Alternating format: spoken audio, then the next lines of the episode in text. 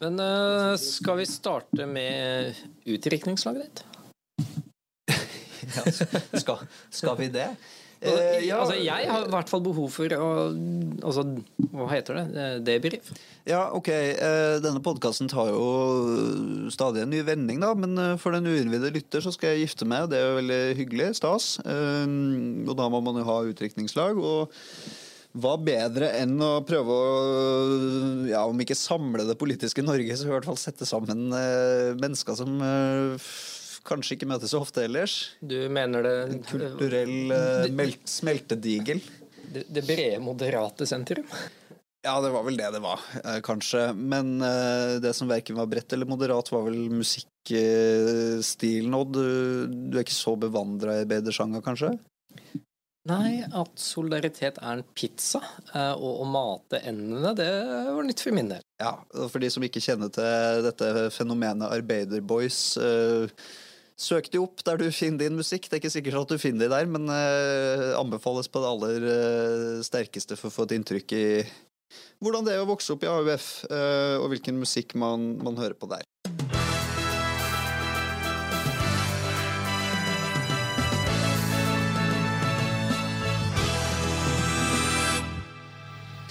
Det tror jeg vel var den debrifen du trengte. Vi skal jo selvsagt snakke mer eh, om det off-air, eh, men eh, Men hva skal jeg si? Brødsmule i andedammen, oppsummere det, den økonomiske situasjonen, eller kan vi gjøre noe morsom analogi av det? Den økonomiske situasjonen, mener du da Vedum som sier at gjennomsnittsfamilien har én million i inntekt etter skatt? Ja, eller bøndene som uh, trenger mer enn brødsmula i andedammen uh, for, å, uh, for, å, få dekt sine behov. 11,5 milliarder er det vel som er kravet der i gården. Ja, og da har Tromsø fått liksom, Det syns jeg er litt morsomt. landbruksministeren fra Tromsø. Så kommer kravet fra bøndene, og så får Tromsø en mail fra Samferdselsdepartementet om at du, den der byvekstavtalen Nei. Vi har, vi kutter vi, Vi har regna litt på noen tall her. ja. Jeg syns det var litt fiffig, da. At det gikk den veien. Ja. At det var det som skulle slå ut. At vekst i distriktet skulle slå ut byveksten i Tromsø. Hvem kunne trodd? Nei, men altså Hva skal vi si? Senterpartiet har det fortsatt vanskelig. Ja. Fordi vi ser jo på snittet av målingene. Hvordan, det er kanskje innimellom litt, litt vanskelig. Vi, vi, kan starte med deg. Vi ser på målinga. Ja. Det, eller det er i hvert fall misjonen her. Og så prøver vi iblant å gjøre sånne Ivar Dyrhaugs-aktige overganger fra å snakke om uh, Arbeiderboys solidaritet i gymsalen og hoppe over til uh, noe litt mer dagsaktuelt politisk. Det lykkes ikke hva skal jeg si, 50%, 50 of the time it works all the time. Eh, men, eh, men, Senterpartiet ikke helt oppe og nikke på der man var før valget, Odd? Nei, det kan vi godt si. Eh, vi må tilbake til 2016 for å finne en gjennomsnittsmåling som er like dårlig som de fikk i april. Da hadde de 7,3 i snitt, som er ned et helt prosentpoeng sammenligna med mars. Ja. Men det jeg hadde litt lyst til at vi skulle gjøre i dag, Stian fordi at, eh, ok, eh, Vi kan gjøre dette veldig fort. Eh, Ap fortsetter å få litt styringstillegg. Høyre går litt opp. Kan ikke du si noen tall da, for de som ikke følger med på dette? Må jeg si tall? Nei, du må ikke det. Men si hva Ap ligger på da, og Høyre ligger okay. på, så kan vi AP, rase gjennom. 23,6. Ja. Høyre 27,5. Fortsatt landets største parti. Fortsatt landets største parti. Frp gått opp 1 prosentpoeng til 12,5. Uh, neppe landsmøteeffekten, uh, for det, den kom seint. Den har ikke slått inn ennå. Uh, også SV stabilt på åtte. Senterpartiet gått ned, som sagt. Rødt ned mest av alle, ned 1,5 prosentpoeng til 6,1 på snittet.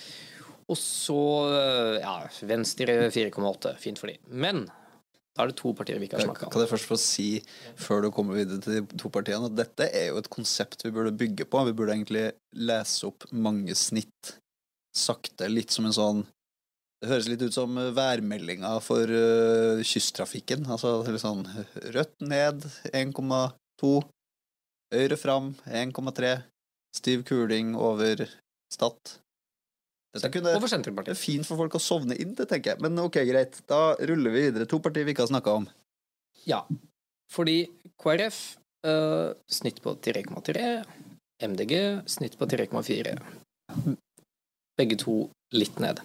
Men det er ikke det viktigste. Men i stabilt sideleie. Ja, ikke sant? Eh, avisene har vært opp og ned, eh, skrevet masse om egentlig alle de andre partiene på en eller annen måte. S- Store saken åpenbart implosjonen til Senterpartiet. For at der går det dårlig, og har gjort det lenge Der nå. går det fort.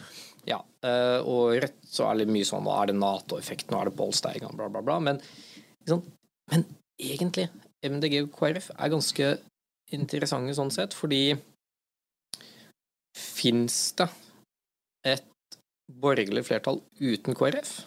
Fins det et KrF etter døden? Julian, hvor er du?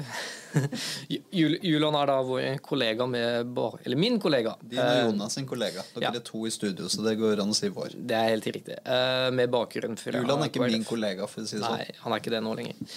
Eh, Men han er, skulle jo gjerne ha snakka litt om troen på et liv etter døden, men, men, men KrF har slitt lenge. Sant? Og det, det, MDG syns jeg at jeg har sett en del i media. Men det har vært øredøvende stille fra KrF under Olaug Bollestad. Ja, altså, det, en sånn sitte stille i båten-strategi her, som ikke slår helt ut i blomst? altså, det er mulig Instagram-kontoen hennes er liksom det som skal løfte partiet. Ikke vet jeg, men altså, bare mannen til Olaug Bollestad er jo verdt 4% Ja, men det er ikke velgerne helt enig i ennå. Det er, det er, nei, men, men altså Fordi Ok, la oss si at Frp kommer i form, Høyre gjør det kjempebra sånn som de gjør nå. Likevel ikke et borgerlig flertall. Uten KrF per dags dato. Så hva med MDG? MDG syns jeg er det minste jeg kan se. Altså, de er, de er ganske offensive ute med diverse saker, som også ligger Og det er litt interessant, ligger langt utenfor det de pleier å snakke om. Altså, nå er det ikke Det er veldig mye mer enn klima nå. Uh, offensive på EU-debatten. Uh, diskusjon i partiet. Skal vi kanskje bli et EU-vennlig parti? Ikke sant? Og, er, og, hvis, og når Rasmus Hansson i tillegg er ute og sier at nei, men nå er jo Høyre mer offensive enn uh, hva Ap Senterpartiet er, begynner vi å liksom ane et parti som kanskje tenker at vi skal ha en ordentlig blokkuavhengig posisjon inn i 20- 2025, og kan det på en eller annen måte løfte dem over sperregrensa, sånn at de kan Men bli en maktfaktor? Ja, det kan du åpenbart sikkert uh, gjøre på, på begge sider av streken her, men spørsmålet er også litt sånn hva De må jo da eventuelt lande ned på et alternativ, da. Eller tenker du litt mer i retning av at en uh, kunne fått en sentrumsregjering bestående av Høyre og to liberale, urbane, klima-EU-vennlige parti, for eksempel? Ja, why not? Det går jo an. Det går jo an å se for seg. Ja. Man kan tenke seg tanken. Jeg, altså jeg vet at i MDG så må det være noen Ja. som tenker den tanken. Ja, men det, det hadde jo vært et parti, det vet jo vi, at det er alltid noen som tenker alternative konstellasjoner og, og, og litt rundt omkring. Nå var jo Frp ute i helga som var, vel, og sa hva de ønska å styre på. Det var riktignok lenge til 2025, men uh, Sylvi Listhaug var veldig tydelig på Høyre Mm. Som alternativ. Eh, det kan man jo på en måte forstå. Det jo, må jo være velsignelse for, for Frp å kunne si det, at vi trenger bare å styre med Høyre. Se på de som sitter i dag. Hvis to partier som Senterpartiet og Arbeiderpartiet kan bli så upopulære på egen hånd, så kan vel vi eh, med, sammen med Høyre bli ganske populære på andre sida. Ja, men altså, nå gikk det jo og det, altså, det er jo tingen med Frp. De tenker tilbake på Den tida det gikk fint. Ja, men ikke sant. 2013 til 2017 fikk et gjenvalg. Eh, Det fungerte. Og analysen internt er jo helt eh, åpen og ærlig på at eh, nei, da kunne vi gjøre kompromissene i Stortinget, men da visste i hvert fall folk omtrent hvor landet egentlig lå. Og den kan jeg skjønne. Men, men nå sklir det litt ut, fordi jeg har fortsatt lyst til å prøve at vi skal snakke om KrF og MDG. Altså, men finnes, er det liv laga for disse partiene? Altså, MDG kan man analysere på to måter. På den, på den ene siden så er det sånn de har for tredje valg på rad ikke klart sperregrensa. De var veldig nært sist. Og de har unge velgere, stort sett, førstegangsvelgerne, stemmer ofte MDG. KrF er stort sett sistegangsvelgerne, ja. som andre har større sannsynlighet for tilflyt i MDG. Eh, og hvis klima kommer på dagsorden, så har de et åpenbart sakseierskap til noe som er viktig. I hvert fall delvis sakseierskap. Det har vi diskutert før. Mange av de andre partiene har også et sakseierskap til klima, men de har i hvert fall delvis sakseierskap til en sak som er viktig. Så jeg vil og nå har de jo de sant, De tre største profilene er på Stortinget. Det er folk som klarer å komme seg på og få synliggjort politikken. Hva har KrF? Ja, hva har KrF? Eh, de har også tre på Stortinget. Ja. Um, og der stopper det vel litt, for jeg oppfatter i hvert fall altså sånn sett fra utsida og med ærbødighet eh, Jeg skal, skal, være ærlig og si jeg vet ikke hva som foregår i, internt i KrF, men for meg i hvert fall sånn som det virker, og med den si, offentlige profilen til partiet, så, så, kan det jo synes som at det er et parti som venter på et eller annet. Altså et parti i overgang fra én ting til en annen. Altså at Olaug Bollestad er en midlertidig partileder eh, i påvente av en ny generasjon av KrF, er jo et parti som har i hvert fall i nyere tid hatt ganske relativt unge ledere, eh, vil jeg si. Eh, og spørsmålet da er jo hva kommer etter Olaug, er det ikke det kanskje mer? Nå skulle vi kanskje hatt noe fra KrF her til å hjelpe oss litt med dette her. Eh, men, men, i mangel på kompetanse, Stian, så skal vi spekulere. Ja, og det er jo det vi gjør aller best i denne podkasten. Og så får du inn i hvert fall det jeg har hørt, da. Det fins jo en god del KrF-ere der ute, uten å nevne navn, som, som, mener kanskje at partiet trenger en slags Ebba Busch Thor-aktig figur. Uh, som kan ta partiet tydeligere i en retning. Én ting var retningsvalget partiet tok under uh, Knut Arild Hareide. Det var ikke helt sånn, altså det var, det var splitt på midten omtrent der. Um, og så gikk man i retning av det ene. Men hvorvidt det oppfattes som et helhjerta profilvalg på saka altså, eh, Jeg tror ikke mange som har opplevd KrF som så supertydelig eh, på hvilke saker man skal ha eierskap til, og hva man skal profilere seg på, hvordan man skal hente nye velgere etter eh, det retningsvalget. Du hadde jo den abortsaken og, og litt sånt, men Um, det har jo drukna helt. Det er jo ikke noe, du har ikke noe verdikonservativ Olaug Bollestad der ute og tar de store kampene. Det har vært litt nå på strømstøtte og en del sånn strømstøtte til familier og litt sånn type ting, men det er jo hva skal jeg si, et tog alle har kasta seg på. Ja, men så syns jeg altså Altså Utfordringen med analysen du setter opp, er egentlig mange. da. For det første, vi må ha en Ebba Busch Thor. Ja, altså, ja, men da Hvem er det? Ja, ikke sant? Hvem er det? Det må finnes først. Det er ja. en fordel. Og en partileder som ikke sitter på Stortinget, er jo i og for seg vanskelig. Og da har du valget mellom partilederen som gikk av, Kjell Ingolf, han som ikke ville bli partileder, Dag Inge Ulstein, og hun som takka ja. Olaug Bollestad. Ja. Så ok, da kan du ikke bytte partileder, da. Da må du eventuelt ha en sak, eller flere saker. Og jeg fant sånn tilfeldigvis et gammelt intervju med Knut Arild når han ble valgt til partileder i 2011, var det vel. Og han sa selv uh, var, var, det han? Nei, det var en valgforsker som sa partiet har ikke hatt en vinnersak siden 1997. Det er nå elleve år siden, og den analysen står seg fortsatt. Ja, ikke sant? Så ingen vinnersak. Mm. Kunne de vunnet på å stå opp mot woke-kultur eller et eller annet sånt? Jeg veit ikke. Jeg føler at den andedammen er liksom fisker Frp mest i allerede. Så det er det som er min utfordring med KrF. For det er veldig vanskelig å se hva er saken utover noe litt sånn fortsatt uh, diffust familieverdier. Familie. Ja. Uh, lite konkret. Ja, og så er det ikke mye i Hvis du tar liksom det økonomiske bildet, da. Du skal ikke si at det stanser andre fra partiet fra å love gull og grønne skoger, men uh, det blir ikke noe mer uh, romslige budsjetter for å satse på påplussinger til uh, familien og andre her, og hva skal jeg si, nasjonale kulturkort. snarere tvert imot. Det blir strammere budsjetter. Og Sånn sett skulle man jo tenke at et parti som støtter seg veldig på verdier, kunne, kunne seile opp her da og være et verdikompass i en urolig tid og sånn, men det virker jo ikke som KrF har noen verdier å tilby som ikke allerede er på bordet tilbudt av andre. Nei, altså, jeg tror i hvert fall de var Pluss at nå så er det de økonomiske verdiene som teller. Mm. Ehm, jeg så Ove Vanebo, for lenge siden leder i FPU og statssekretær for Frp, han mente jo at partiet hans kom til å begynne å klatre hvis den statusen holdt seg. At personøkonomi fortsatt er viktig for folk. Penger i lommeboka. Ja, og det, og det, kan godt hende at det er en analyse som står seg, men det hjelper ikke KrF så mye. Det var vel de som hadde slagordet for deg som har større drømmer enn billigere bensin og litt sånne ting. Det, ikke sant?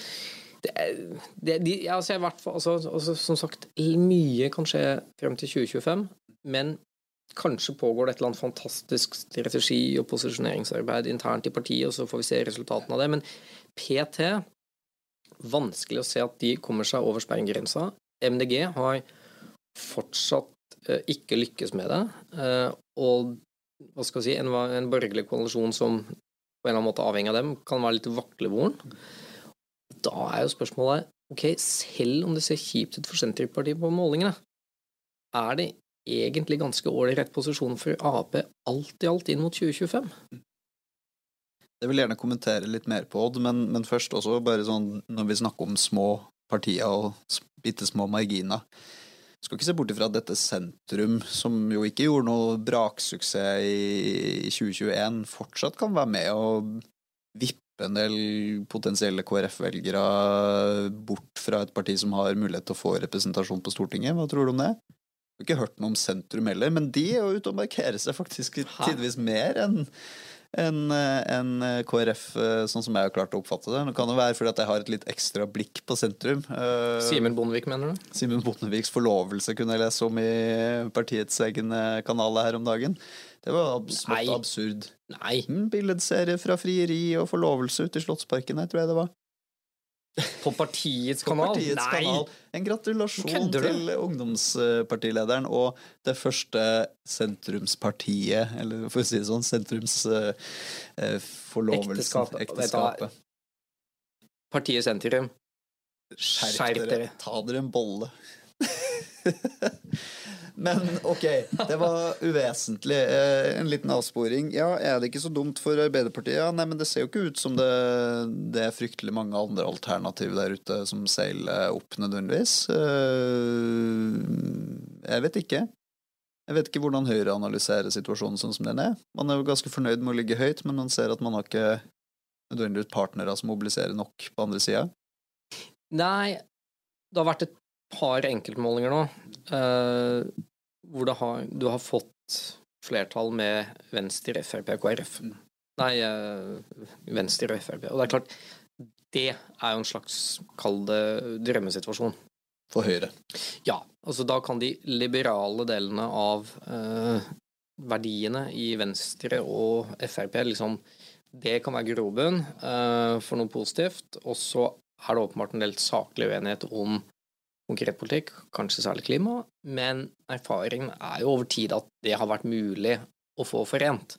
Uh, og med ett parti mindre i en sånn ligning, altså minus KrF, så er det jo kanskje enda lettere å bli enig. Men så skal det sies at um, å avskrive et parti for å kunne klare å komme tilbake, det er det jo ingen av partistrategene som har tenkt til. Sier seg selv. Altså, det er ikke så langt opp til sperregrensa. Noe kan skje. Um, så, og, og, den historiske erfaringen er det at uh, du må ha hele borgerlige side med deg. Så det er nok ingen som liksom går rundt og planlegger for noe, noe minus KrF. Det er jo fire år med Jonas nok til å liksom fordrive det vonde blodet under brua og nedover elva for Sylvi Listhaug i forhold til Venstre her. Altså det er jo, Du skal huske på det, da, at uh, Sylvi Listhaug er nok en mer pragmatisk eh, partileder enn mange tror, tror jeg, men, men samtidig også en annerledes partileder enn Siv Jensen. Ja. Når det kommer til å forholde seg til andre parti. Ja, men hun har jo altså Vilje til makt, det er et stikkord her. Ja, men hun har, hun har jo veldig lang erfaring med det tross alt. Altså, hun har sittet i uh, byrådet i Oslo i uh, samarbeidskonstellasjoner. hun var statsråd i mer enn én omgang. Hei, Espen Teigen. så liksom at hun ser behovet for samarbeid, ja, det, det, er jeg ikke i tvil om. Men så er vi nå i, i en situasjon hvor alle opposisjonspartiene skal jo først og fremst få velgere til seg selv. Det er hovedjobben til partilederen, og det skjønner jo også uh, de andre partilederne, og gir hverandre slack på det. Siste lille ting jeg hadde lyst til å komme inn på, Odd. Vi, vi skriver og vi sier det. Eh, 2. mai i dag. Eh, vi er inne i den store jordbruksforhandlingsmåneden. Jeg trodde du skulle nevne 1. mai. Ja, det, det, kunne jeg jo fort gjort òg. Nå gjorde du det, så du kom i forkjøpet. Du har lært alle sangene, så dette skulle nok gå ganske greit. Senterpartiet og jordbruksoppgjøret og regjeringsdeltakelse. Mm. Uh, jeg skal ikke si onde tunger, men noen tunger vil ha det dit hen at dette må gå veien. Og så spørsmålet hva er å gå veien her? Uh, du kan få det rauseste tilbudet fra staten i et jordbruksoppgjør noensinne, og likevel vil uh, vil visse grupper gå i harnisk? Hva, hva, skal til for å få noen endringer i sammensetninga av regjeringa vi har, Odd? Er det sannsynlig, de som går rundt og sier at nå må Senterpartiet levere, ellers så må de gå ut? Eller er dette helt sånn forhandlingstaktiske spekulasjoner? Jeg tror i hvert fall man skal ha med seg det at for ethvert parti som sitter i posisjon, så har det en vanvittig gravitasjonsmakt. Altså, når du er inne i departementet, så vil du bli sittende inne i departementet. Og Senterpartiet vet at de har mye mindre gjennomslag på utsiden enn på innsiden, så alternativet er mye dårligere. Eh, det kom, altså uansett, si, uansett hvor dårlig eller godt uh, tilbudet blir, så er det ingen som kommer til å ville gå ut på det første. Altså, hvis Senterpartiet går ut nå, hvordan skal man kunne løfte det i de kommende oppgjørene? Det er jo en veldig enkel eh, logikk å si til alle som maser om at nå skal vi gå ut. Så nei, Senterpartiet de kommer til å bli sittende åkke sånn. Ja. Det er betryggende å høre, Odd, eh, men jeg tror, eh, jeg tror vi, vi, får nøye oss med det. det. For de som følte seg betrygga av det, eh, så sier vi takk for at du fulgte oss i dag, og så skal vi komme tilbake så snart vi har et nytt gjennomsnitt og vi har noe nytt å snakke om, Odd. Vi, Eller noen, ja, bare noe nytt å snakke om. Burde kanskje holde. Ja. ja. Vi får ta en eh, post bryllupsepisode. Da begynner vi å nærme oss. Takk for i dag.